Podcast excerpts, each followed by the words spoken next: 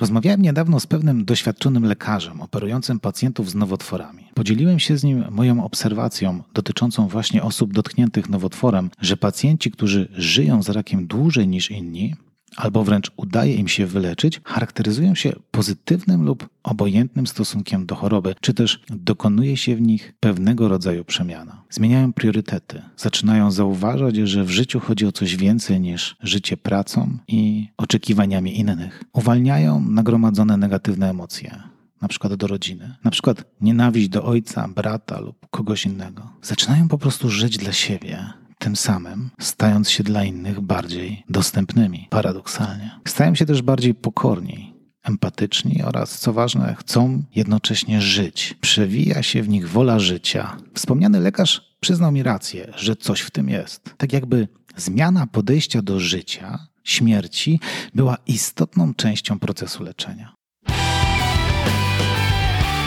Cześć, tu Wojciech Górek, a to mój podcast. Jak żyć lepiej? Czyli o poprawie jakości życia z punktu widzenia ciała, umysłu i ducha oraz ich integracji. Od dłuższego czasu nurtuje mnie pytanie, dlaczego w konstrukcji świata, w którym żyjemy, znalazło się miejsce na chorobę i śmierć. Nawet jeśli pominąć aspekt śmierci, to dlaczego nie moglibyśmy żyć w zdrowiu, sprawności i nagle odejść?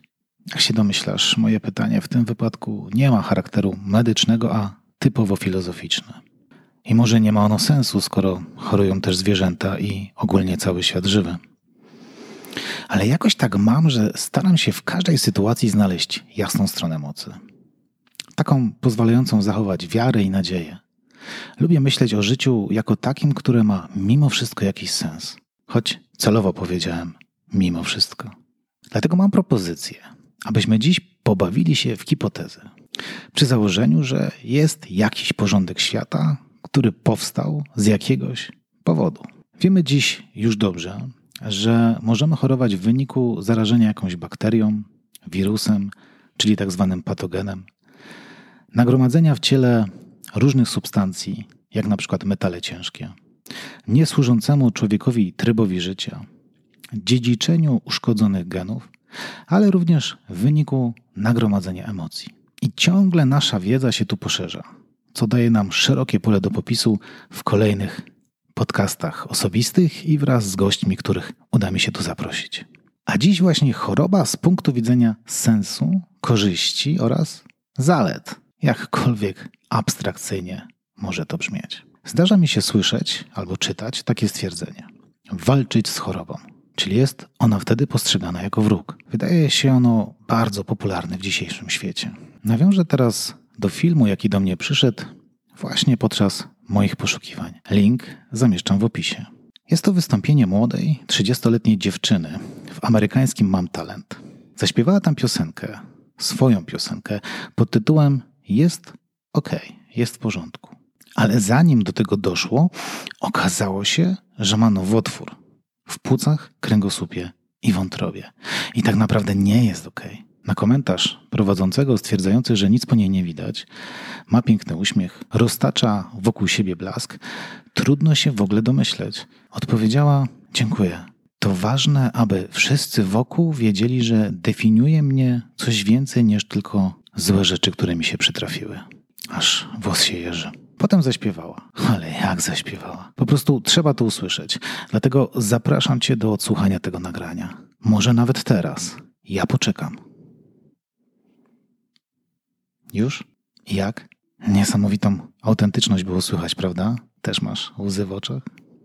Jeśli obejrzałeś, to dowiedziałaś się, że dziewczyna schodząc ze sceny przyznała, że ma 2% szans na przeżycie. Po czym dodała, ale 2% to nie zero, a to już coś. Jeszcze wcześniej zdanie. Nie można czekać z decyzją, że czas być szczęśliwym od momentu, gdy życie nie jest trudne. Może i kryje się w tym typowo amerykański sposób na sprzedaż poprzez emocje, ale ja to kupuję. Lubię myśleć, że niektórzy rodzą się tylko po to, aby coś przekazać innym ludziom, wskazać im inne możliwości, a ich cierpienie czy choroba jest częścią tego planu. Jest mi z tym wtedy łatwiej. Lepiej mi się tak żyje. Nawet jeśli ta dziewczyna niebawem umrze, a patrząc naturalnie jest to wielce prawdopodobny scenariusz, pozostawi po sobie trwały ślad w ludzkich sercach. Na pewno wokół najbliższych, a dzięki internetowi i masowym mediom ten wpływ się ciągle poszerza, bo film ma 3 miliony wyświetleń.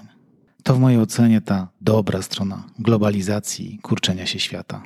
Zresztą jest ich więcej, ale o tym innym razem. Rozmawiałem niedawno z pewnym doświadczonym lekarzem operującym pacjentów z nowotworami.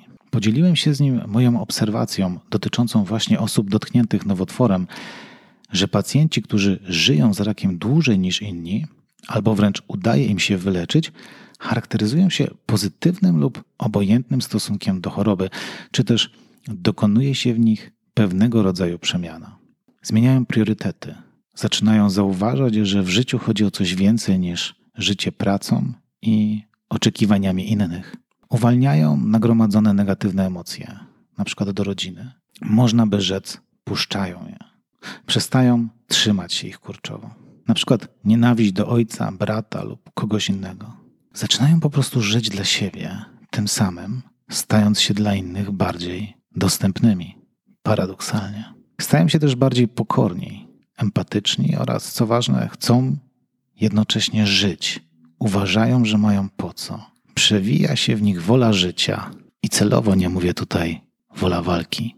Wspomniany lekarz przyznał mi rację, że coś w tym jest. Tak jakby zmiana podejścia do życia, śmierci była istotną częścią procesu leczenia. Pracuję z pacjentami będącymi w czynnym etapie choroby nowotworowej lub w remisji, czyli odwrocie. Miałem nawet takich, którzy przeszli raka dwa razy i nadal nieźle funkcjonują. I kiedy patrzę na tych, którym się udaje dogadać z chorobą, ich życie wydaje się bardzo normalne. Robią to, co robili wcześniej, mając jednocześnie na uwadze swoje zdrowie i rady lekarza prowadzącego. Nie podporządkowują swojego życia chorobie, tylko mają ją na uwadze. A to różnica. Na co dzień skupiają się na tym, co chcą robić w życiu lub co będą robić. Planują. Tak, planują. To niesamowite. Móc z taką osobą porozmawiać o jej tak zwanej chorobie śmiertelnej, jak o przeziębieniu i usłyszeć: Panie Wojtku, przecież ja wiem, że nic nie trwa wiecznie. Nie oszukujmy się. Będę żył dłużej? Super. A jak się nie uda? To trudno. I wiesz co? Guz u tego człowieka, o którym właśnie myślę, się zmniejsza. Reaguje na terapię. Co więcej, nawet lekarz jest zaskoczony efektami. A jak wspomniałem wcześniej, oprócz zgody ma w sobie silną wolę życia. Ma po co żyć. Czyżby choroba mogła też być zatem narzędziem zmiany w naszym życiu? Zmiany, której nieraz nie potrafimy dokonać samodzielnie, albo bez której nasze dalsze życie nie ma sensu w obecnym obrazie?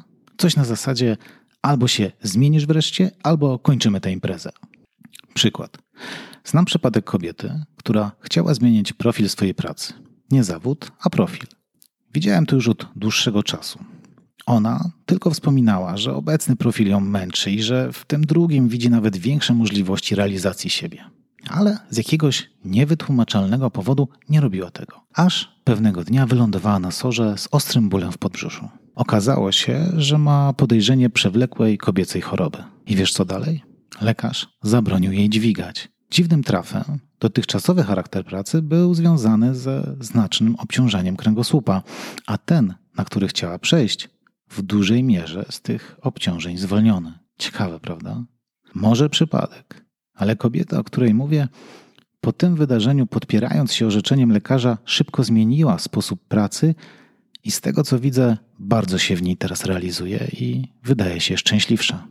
Gdyby spojrzeć na chorobę szerzej, tak społecznie, to przecież jest ona doskonałym argumentem i wytłumaczeniem, z którym nikt zasadniczo nie dyskutuje. Można na nią chorować, ale można ją też wykorzystać jako podporę. Przed COVID-em, kiedy pacjent dzwonił rano, chwilę przed wizytą, że niestety nie przyjdzie, to pozostawiało to niesmak, bo ktoś mógł z tego miejsca skorzystać. A teraz, kiedy ktoś dzwoni i mówi, że ma temperaturę i nie chce przychodzić, aby nikogo nie narażać, wręcz zakazuje się mu przyjść. A przecież nie możemy wiedzieć w gabinecie, czy to prawda, czy dobre na czasie usprawiedliwienie. Jeśli masz dzieci, usłysz jak łatwo genialnym wytłumaczeniem, kiedy nie chcemy gdzieś iść, jest wykorzystanie dziecka. Przepraszamy, nie możemy przyjść. Dzieci źle się czują. Idę dalej. Spotkałem się z przypadkiem kobiety chorej na astmę i ogólnie z mocno schorowanym aparatem ruchu, zwłaszcza z kręgosłupem. Często u mnie z tego powodu gościła. Brała też leki sterydowe i regularnie wizytowała na oddziale ratunkowym z racji ataków astmatycznych. W domu pod jej łóżkiem na bieżąco stacjonował tlen, a rodzina była przeszkolona w podawaniu zastrzyków w razie wypadku. Była na rencie, która co roku była odnawiana. Co roku musiała pojawić się na komisji. Aż przyszedł moment, kiedy dostała rentę na stałe. Wkrótce potem jej stan zaczął się z roku na rok poprawiać. Jednocześnie coraz rzadziej stawała się moim gościem. Wiem, że obecnie jest na tyle lepiej, że nie bierze już sterydów ani leków przeciwbólowych, które brała prawie codziennie i to przez kilkanaście lat. I nie kojarzę, aby w ostatnim czasie przeszła jakiś silny atak astmy, gdzie konieczna była interwencja medyczna. Pod łóżkiem brak też tlenu. Przypadek? Hmm. Idę dalej. Odwiedziła mnie kiedyś pacjentka skarżąca się na bóle w różnych częściach ciała. Najdziwniejsze było w tym to, że były to bardzo dynamiczne zmiany. Oczywiście, że takie zmiany mogą występować przy okazji fibromialgii czy zakażeń bakteryjnych, jak na przykład bolerioza, ale tutaj zostało to po pierwsze wykluczone, a po drugie te objawy nie za bardzo się pokrywały, ponieważ zmiany były bardzo, bardzo dynamiczne. Tu boli kolano, a już za chwilę bolą biodra, albo bolą plecy. W momencie, kiedy zacząłem podchodzić strategicznie do występujących bólów, konsekwentnie koncentrując się na miejscu występujących objawów i ich powtarzalności, pacjentka więcej się nie pojawiła.